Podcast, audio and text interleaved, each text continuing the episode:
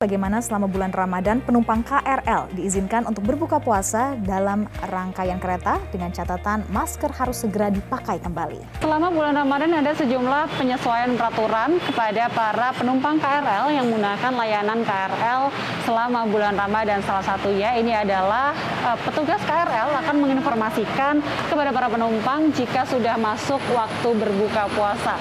Selain itu, KAI Komuter juga menyatakan jika uh, penumpang ini diperbolehkan untuk membatalkan puasa atau berbuka puasa di dalam perjalanan KRL selama satu jam setelah waktu berbuka puasa. Namun eh, tentunya aturan ini ada beberapa ketentuannya seperti misalnya harus tetap menjalankan protokol eh, kesehatan ketika membatalkan puasa, kemudian segera memakai masker kembali setelah berbuka puasa dan juga KAI Komuter ini mengimbau kepada para penumpang agar eh, membatalkan puasa ini dengan makanan dan juga minuman ringan secukupnya saja. Dan yang terakhir ini tentunya untuk tidak membuang sampah sembarangan. Selain itu, sejumlah penyesuaian juga dilakukan oleh KAI Komuter eh, seperti misalnya menambah perjalanan dan juga rangkaian KRL. Kemudian untuk jam operasional ini juga ditambah dari pukul 4 pagi hingga pukul 12 malam waktu Indonesia Barat. Kemudian protokol kesehatan juga masih terus diterapkan uh, kepada para penumpang KRL seperti misalnya scan aplikasi Peduli Lindungi, kemudian juga memakai masker, menjaga jarak dan juga untuk uh, pembatasan kapasitas ini tetap diberlakukan yaitu 60% sesuai dengan ketentuan oleh pemerintah. Direktorat Jenderal Perhubungan Udara Kementerian Perhubungan menerbitkan regulasi terkait syarat perjalanan dalam negeri menggunakan transportasi udara atau pesawat.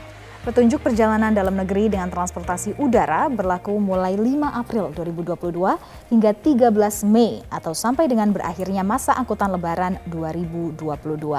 Dalam rapat dengan pendapat dengan Komisi 5 DPR RI, Dirjen Perhubungan Udara Kemenhub mengatakan dengan mulai naiknya jumlah penumpang, pihaknya tetap memastikan kesehatan para penumpang. Persyaratan yang perlu diikuti para pemudik yakni pelaku perjalanan dalam negeri yang telah mendapatkan vaksinasi dosis ketiga atau booster tidak wajib menunjukkan hasil negatif tes PCR atau rapid test antigen. Pelaku perjalanan dalam negeri yang telah mendapatkan vaksinasi dosis kedua wajib menunjukkan hasil negatif rapid test antigen atau hasil negatif tes PCR. Sedangkan yang telah mendapatkan vaksinasi dosis pertama wajib menunjukkan hasil negatif tes PCR. Sementara itu, pelaku perjalanan dalam negeri dengan kondisi kesehatan khusus atau komorbid yang menyebabkan ia tidak dapat menerima vaksinasi wajib menunjukkan hasil negatif tes PCR serta melampirkan surat keterangan dokter dari rumah sakit pemerintah yang menyatakan bahwa yang bersangkutan belum dan atau tidak dapat mengikuti vaksinasi COVID-19. Sementara itu, anak di bawah 6 tahun dikecualikan dari ketentuan vaksinasi dan tidak wajib menunjukkan hasil negatif tes PCR ataupun rapid test antigen. Pemirsa hanya dalam waktu empat hari sosialisasi penggunaan tilang elektronik atau elektronik Electronic Traffic Law Enforcement (ETLE) ratusan pengendara ini diketahui melanggar aturan. Namun karena baru berlaku awal Mei mendatang, maka pengendara yang melanggar hanya mendapat sanksi teguran. Sedikitnya terdapat tiga titik kamera pemantau tilang elektronik dipasang di traffic light di kota Blitar, Jawa Timur, di antaranya di Simpang 3 Herlingga, Simpang Masjid Peloso Kerep, dan Simpang SPBU Pakunden. Hanya dalam waktu empat hari dipasang terdapat 301 pengendara roda 2 dan empat yang melanggar tata tertib berlalu lintas. Hal ini menunjukkan rendahnya kesadaran masyarakat saat berkendara. Karena masih dalam tahap sosialisasi, ratusan pengendara yang melanggar hanya diberikan sanksi teguran melalui surat dan sanksi administratif ini berlaku pada mulai awal Mei mendatang. Teknologi, jadi tilang elektronik, maka kita berdayakan dengan teknologi ini. Nah, ini sudah berjalan dari mulai hari ini sudah berjalan. Namun eh, kami memberikan sosialisasi sementara kurang lebih satu bulan.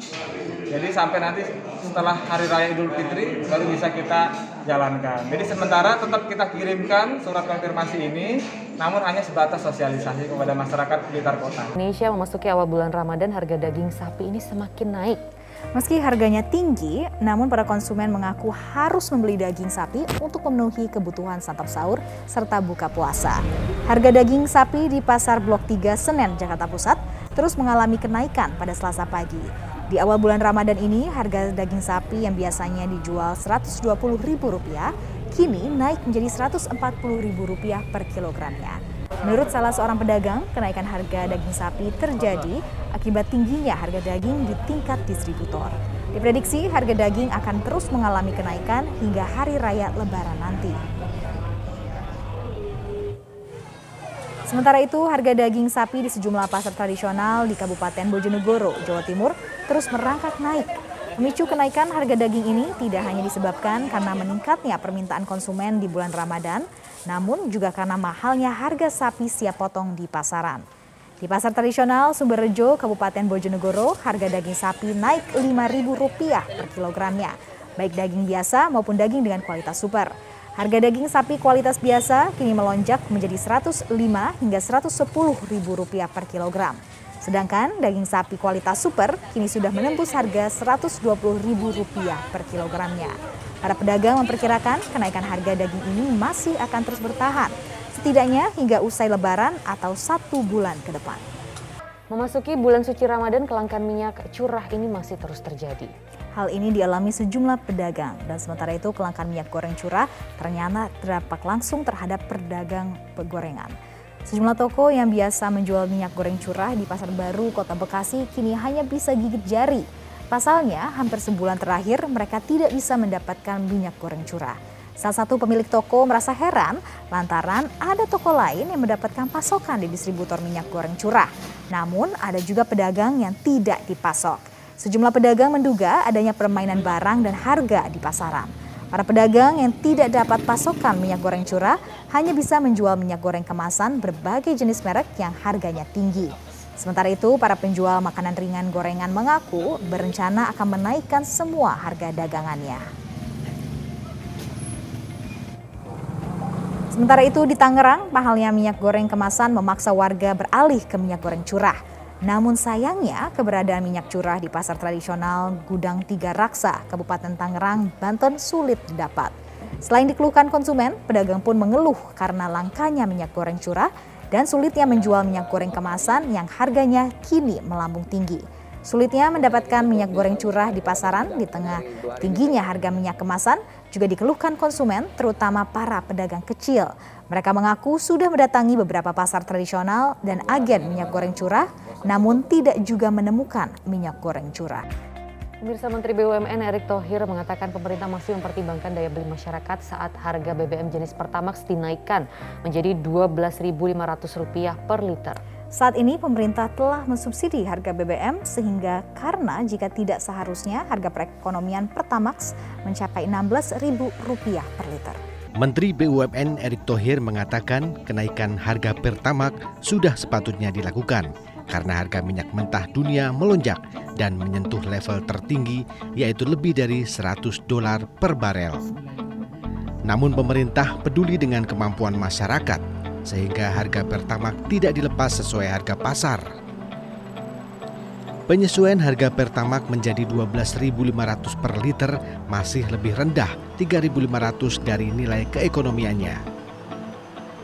Erick Thohir meminta pengguna Pertamax untuk ikut membantu agar subsidi BBM menyasar kalangan yang tepat sasaran. Sekarang saya mau tanya teman-teman media, sepantasnya harga Pertamax berapa? 9.000 sih Berapa? sebelumnya, Pak. Ah, 9.000. 16.000. Kan harga BBM-nya naik. Iya, iya. Tapi pemerintah berapa harganya? 12.500. Nah, berarti apa? Pemerintah peduli. Pemerintah hadir. Kalau masalah Petralite, Pertamax, kembali kita ketuk para orang kaya, orang mampu, ya. Ayo berpartisipasi. Bagaimana kita bisa membantu tadi yang memang harus menemukan subsidi sama ketika vaksin ya banyak juga yang mampu perusahaan-perusahaan membeli vaksin tidak memakai yang gratis supaya apa rakyat mendapat yang gratis Harga BBM di Indonesia terbilang masih relatif rendah dibandingkan dengan sejumlah negara besar seperti Hong Kong, Belanda, Jerman yang menembus kisaran Rp32.000 hingga Rp41.000 per liternya. Sementara harga BBM di dalam negeri memang bersaing dengan harga di Thailand dan beberapa negara tetangga lain. Sebaliknya, di antara tiga negara tetangga, harga yang paling rendah tercatat di Malaysia. Realisasi subsidi BBM, LPG dan listrik tahun 2022 lebih besar dibandingkan tahun 2021 silam. Terjadi peningkatan volume BBM dan LPG seiring dengan meningkatnya aktivitas masyarakat. Akibatnya pada periode tersebut terdapat lonjakan pembayaran subsidi sebesar 11 triliun lebih dibandingkan tahun sebelumnya pada periode yang sama yang hanya 10,08 triliun rupiah. Diprediksi subsidi yang dibayarkan pemerintah akan semakin besar karena harga komoditas dunia terus merangkak naik. Sementara pemerintah belum melakukan penyesuaian harga tingkat ke masyarakat.